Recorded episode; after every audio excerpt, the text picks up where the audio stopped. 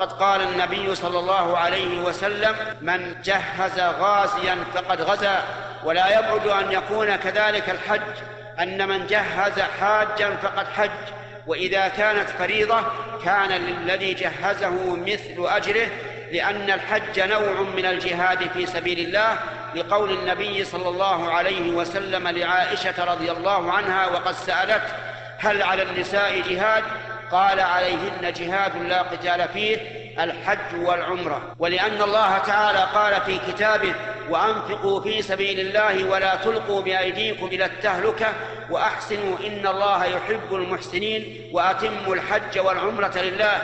فذكر إتمام الحج والعمرة بعد الأمر بالإنفاق في سبيل الله وهذا يشعر بأن الحج والعمرة نوع من الجهاد في سبيل الله.